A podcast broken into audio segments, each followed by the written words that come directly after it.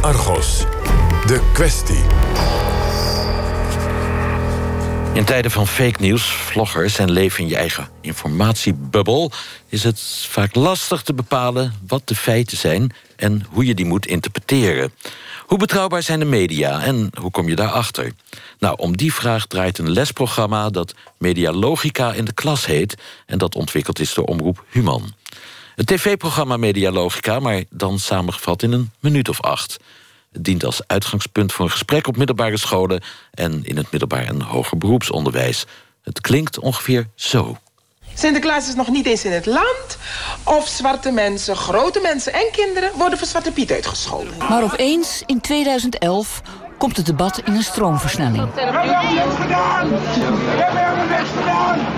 En toen dacht ik, hebbes. De roep om verandering wordt steeds sterker. Maar ook de weerstand neemt toe. Ophouden met deze flauwekul. Schijnheilig Zwarte Piet blijft zwart. Uh... Medialogica. Deze keer over hoe de werkelijkheid het beeld beïnvloedt. Het beeld van Zwarte Piet. U hoorde de stem van collega Clary Polak in een fragment van de uitzending van Medialogica over de discussie over Zwarte Piet. Aan de telefoon hoofdredacteur van Human Mark Joste en Ozan Turkdoğan, docent maatschappijleer aan het Metis Montessori College in Amsterdam. Goedemiddag allebei. Goedemiddag, Mark. Goedemiddag. Mark, je kon niet in de studio zijn omdat je voor de klas staat, of niet? Nou, ik, uh, het, het, het, lijkt er wel op. Uh, we staan hier voor een live-opname van het Filosofisch Quintet. En raad eens waar het vanmiddag over gaat. Onderwijs. Over nepnieuws en propaganda en wat dat betekent voor de democratie.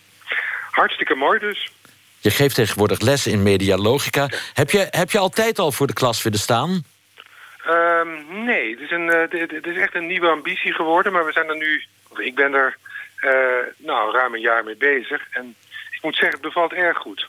Ik kom zo op je motieven terug. Maar ja. eerst even naar Ozan. Je bent docent maatschappijleer op een cultureel zeer gemengde Amsterdamse school. Nou, never a dull moment, denk ik. De lesstof ligt op straat, zeg maar. Uh, hoeveel heb je daarmee te maken in de klas?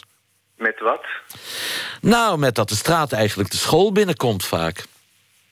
Nou ja, ik, ik, kan zeggen dat, dat onze school een afspiegeling van, van, van Amsterdam is. Het is heel multicultureel en dat is Amsterdam ook. Dus uh, ja, het is de realiteit vandaag de dag. En wat voor extra eisen stelt dat aan een docent maatschappijleer? Uh, nou ja, wat voor extra uh, eisen? Nou, ik behandel alle leerlingen gelijkwaardig. Ik, ik, zie, ik zie geen kleur. En ik denk dat een docent dat ook niet moet willen. Um, waar je wel mee te maken hebt is met verschillende meningen.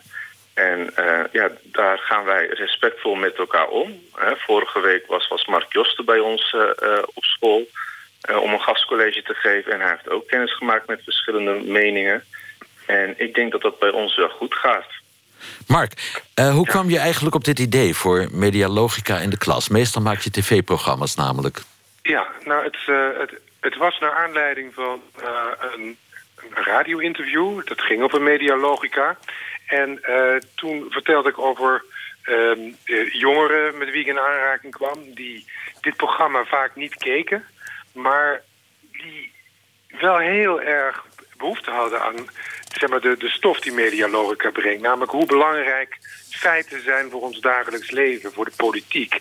En toen kwam er ook een uitnodiging van een uh, schooldocent... die zei, kom eens lesgeven... Nou, en die ervaring, die les die ik toen heb gegeven... die is voor mij behoorlijk fundamenteel geweest. Ik wil je wel vertellen, tenminste als je de tijd hebt... wat, ja, mij, toen, wat mij toen overkwam. Nou, ik, ik, uh, ik ging lesgeven en ik vroeg op een bepaald moment... nadat ik had uitgelegd hoe feiten werken... de politiek, et cetera, et cetera... toen vroeg ik aan leerlingen... gelooft iemand van jullie in complottheorieën? Nou, in het begin durfde niemand wat uh, te zeggen. En op een bepaald moment stak een meisje haar hand op... en die zei van ja meneer, ik geloof in complottheorieën. Ik geloof dat er een groep is die zowel uh, 11 september heeft bedacht als IS... als de rellen in, rondom Turkije. Dat zijn een paar mannen die, uh, die hebben dat bedacht. Ik vroeg toen aan de rest van de klas en er meer mensen die daar zo over denken. Nou, toen gingen alle handen in de lucht. En toen ik vervolgens aan, de, aan die leerkracht die mezelf had uitgenodigd... vroeg van, hé, hey, komt er meer klassen voor? Toen zei hij van, Mark, weet je waarom ik jou heb uitgenodigd? omdat het in zoveel klassen voorkomt. Nou, toen dacht ik van wij moeten echt meer doen dan alleen een televisieprogramma maken. Wij moeten echt naar de jongeren toe. Want anders bereiken we ze met deze boodschap nooit. En wie zoeken ze dan achter iets als de aanslag op, uh, op de Twin Towers? Hoe, hoe zijn die complottheorieën? Nou ja, ze zijn, ze zijn verschillend, maar nou ja, je hebt een aantal bekende, je hebt een paar hoofdstromen. En een van de hoofdstromen is, is dat er een, uh, een uh, clubje wijze mannen is dat al honderden jaren bestaat... die zijn geld verdient aan oorlogen en andere zaken... en die stiekem op de achtergrond bedenkt van... hé, hey, hoe kunnen we zoveel mogelijk conflict en narigheid in die wereld brengen... om er zelf beter van te worden. En ik vroeg uiteindelijk aan die klas... wat overigens ontzettend aardige kinderen waren... maar ik vroeg ze ook van, ja, wat denk je, die ben ik ook een van die mannen? Ja, natuurlijk meneer, u bent ook een van die mensen. Dus daar zit ook een, ja, een, een soort wereldbeeld in... waar het interessant van is om te kijken... wat is de voedingsbodem hiervan? En dat, uh, nou ja, dat houdt mij nu al uh, maanden bezig. En dat is ook een van de redenen. Omdat medialogica in de klas echt enorm op, op enorm grote basis voor te zetten. Ozan, uh, je hoort journalisten vaak klagen over, uh, over uh, scholieren en over jongeren van nu, van die lezen geen kranten. Wat, wat zijn de belangrijkste nieuwsbronnen van jouw leerlingen? nou, mijn leerlingen die, die volgen het nieuws wel, zowel traditionele media als nieuwsmedia. En we hebben dit, uh, deze periode ook uitgebreid stilgestaan... wat zijn betrouwbare bronnen en onbetrouwbare bronnen. Hè, uh, er was ook een reactie in, uh, tijdens medialogica... dat leerlingen daar toch in staat zijn om, om, om daar een onderscheid in te maken. Ehm, en um, ja, meneer Josten vertelde net over zijn eigen ervaring... maar ik, ik weet niet op welke school dat... hij dat was niet bij jou, Ozan? Welke was het wel? Uh, dat, dat, dat vind ik flauw, maar het was zeker niet die van Ozan. En ik merk. Oké, okay, dat is wel goed om te weten, ja. Maar... van Ozan was belangrijk om te zeggen. Daar merk je ja. dat de kinderen al echt goed geschoold waren. Die hadden al, volgens mij, van uh, Ozan en zijn collega's... les gekregen van hoe je met uh, nieuwsbronnen, met feiten om moet gaan. Ja. Een ja, goede docent maatschappijleer maakt uit, met andere woorden. Ik denk het wel, maar dat wil ik liever dat Ozan daarover zegt.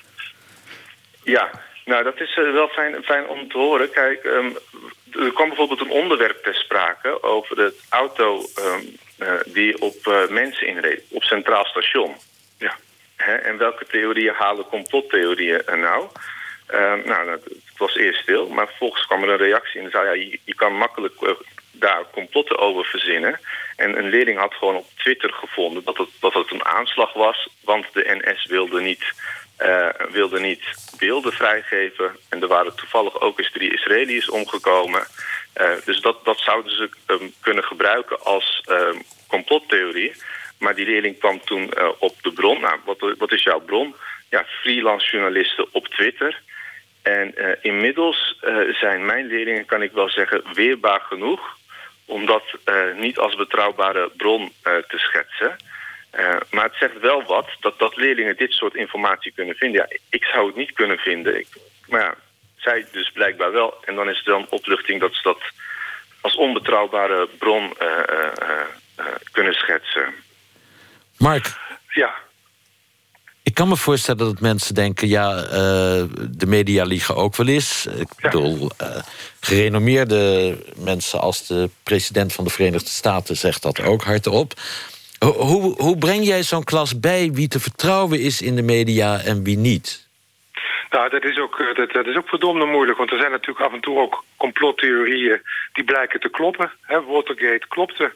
Het, uh, het, uh, het, het, het, complot ooit uh, rondom die weapons of mass destruction... Hè, dat Saddam Hussein dat hij chemische wapens had die hij niet had... dat was een bedacht complot door de Amerikaanse regering. Dus er zijn wel degelijk theorieën die ook dat, dat denken stimuleren. Dus het is verdomde moeilijk om dat te doen. Maar ik denk het enige wat je kan, is wat Ozan ook doet... met die leerlingen in gesprek blijven. En eigenlijk leren alles wat je tegenkomt in het dagelijks leven... je nieuws, de dingen die je via vrienden hoort... om die te ontleden, zoals je zinnen ontleedt. Dat je echt probeert na te denken... klopt er wel wat er wordt gezegd? En dat geldt ook voor de journalistiek. Ozan, ja. uh, jij geeft les aan de school met veel Turkse leerlingen... maar ook Marokkaanse en uh, autochtone Nederlandse leerlingen. Verschillen de complottheorieën? Zijn, zijn er echt Turkse complottheorieën en echt Marokkaanse... maar ook echt blanke Nederlandse complottheorieën? Um, ja, nogmaals, ik, ik heb er weinig uh, kennis van genomen van, uh, van, van uh, dat soort theorieën bij mij leerlingen. En daar ben ik ook heel blij om. Kijk, het is een maatschappelijk gegeven dat dit, dit soort ideeën er, er, speelt bij leerlingen. Maar dat betekent niet dat, dat dat op elke school of bij heel veel leerlingen het geval is. nou, ik mag mezelf gelukkig prijzen dat ik daar niet mee te maken heb. Um, maar ik zou nog even graag wat willen zeggen over betrouwbaarheid van journalistiek. Ja hoor. En, en daar heb ik ook met, met Mark het erover gehad. Ja. Ik denk dat het ook een, ja, een maatschappelijke ontwikkeling is... dat, dat er steeds min, minder vertrouwen in, in de journalistiek is. Uh -huh. Bijvoorbeeld ook, dat, dat het ook gezien kan worden als een generatiekloof. Nou, oudere mensen zien bijvoorbeeld het NOS echt als een betrouwbaar instituut. Zeker. Uh, ik ook, maar dat verandert wel bij jongeren. En ze stellen steeds meer kritische vragen... Um, maar wat ik in mijn lessen doe, is ook goede voorbeelden laten zien. En dan hebben we het bijvoorbeeld over de waakhondfunctie. Um, Nieuwsuur heeft toch bepaalde onthullingen gebracht, bijvoorbeeld de Tevendeal. Ja. Om dit soort voorbeelden te laten zien dat er ook wel degelijk goede journalistiek bestaat. Naast het smeugen telegraafnieuws. Uh, dus um, laten zien dat er ook goede, goede dingen gebeuren. Ja. En ja, dat de journalistiek niet over één kam te scheren is. Je school uh, heeft zowel VWO-klassen als MBO-klassen. Maar maakt dat nog wat uit? HAVO-klassen, ja. We hebben geen MBO-klassen, oh, ja, HAVO-klassen. Maar maakt dat nog wat uit, of niet? Uh, nou ja, in die zin, het maakt wel wat uit. Wat ik merk is dat VWO-leerlingen heel betrokken zijn. Echt het nieuws volgen. En, en bij HAVO speelt dat minder. Die zijn ja, wat minder geïnteresseerd. Bijvoorbeeld, ik heb ook vanuit mijn achtergrond heb ik in het verleden te maken gehad met, met radicalisering. En uh, ja, voor HAVO-leerlingen is het toch meer een, een ver van mijn bedshow. Die hmm. zijn wat minder betrokken, ja. Mark, uh, je, je hebt bij Oostan in de klas een aantal casussen behandeld. Ja. We hadden het al over uh, ja, de aanrijding op het Amsterdam Centraal... die -hmm. volgens sommigen een moslimaanslag was. Hè? Dat heeft nog dagenlang op internet gestaan. Ja. je hebt ook de zaak van Marianne Vaatstra ja. besproken, begreep ik. Waarom die zaak? Nou, omdat die zaak die is die, is erg interessant, omdat je in het begin eh, praten mensen alleen maar op basis van vooroordelen. Dus 14, 15 jaar lang door heel veel mensen, inclusief vertegenwoordigers van justitie, gespeculeerd dat het een asielzoeker zou zijn geweest die dat had gedaan. En zelfs de, de destijds bekende columnist Pim Fortuyn die had geschreven... Friese snijden geen kelen door. Je kan die casus kan je stap voor stap met die leerlingen doornemen. Steeds vragen we, hé, hey, wat denk jij? Wat denk je op dit moment? En dan uiteindelijk confronteer je ze met de echte uitkomst. Namelijk toen uit het DNA-onderzoek bleek, 15 jaar later... Dat het een Fries dat was. degelijk een Fries was die hier de keel van het meisje had door, doorgesneden. En dan, dat leidt tot een bepaalde bewustwording. En je merkt, deze casus, hoe oud die ook is... die blijft klassen in beroering brengen... en die leert kinderen ook heel goed te ontleden... en speculatie van feiten te uh, onderscheiden. Waar kunnen schoolklassen en docenten zich aanmelden... die interesse ja. hebben voor een presentatie van medialogica in de ja. klas? Ja, nou, dat, uh, dat fijn. Uh, dat, dat, vanaf morgen is er uh, op de human.nl-site een aanmeldingsformulier... maar voor iemand die nu meteen wil reageren... die kan gewoon naar Argos Radio mailen... en dan komt het uiteindelijk bij mij terecht. En dan komt het ook goed. En wij zullen zorgen dat we dan in de loop van het komende jaar... op onze tournee langskomen. Dank jullie wel. Mark Joste en Ozan Turkdogan.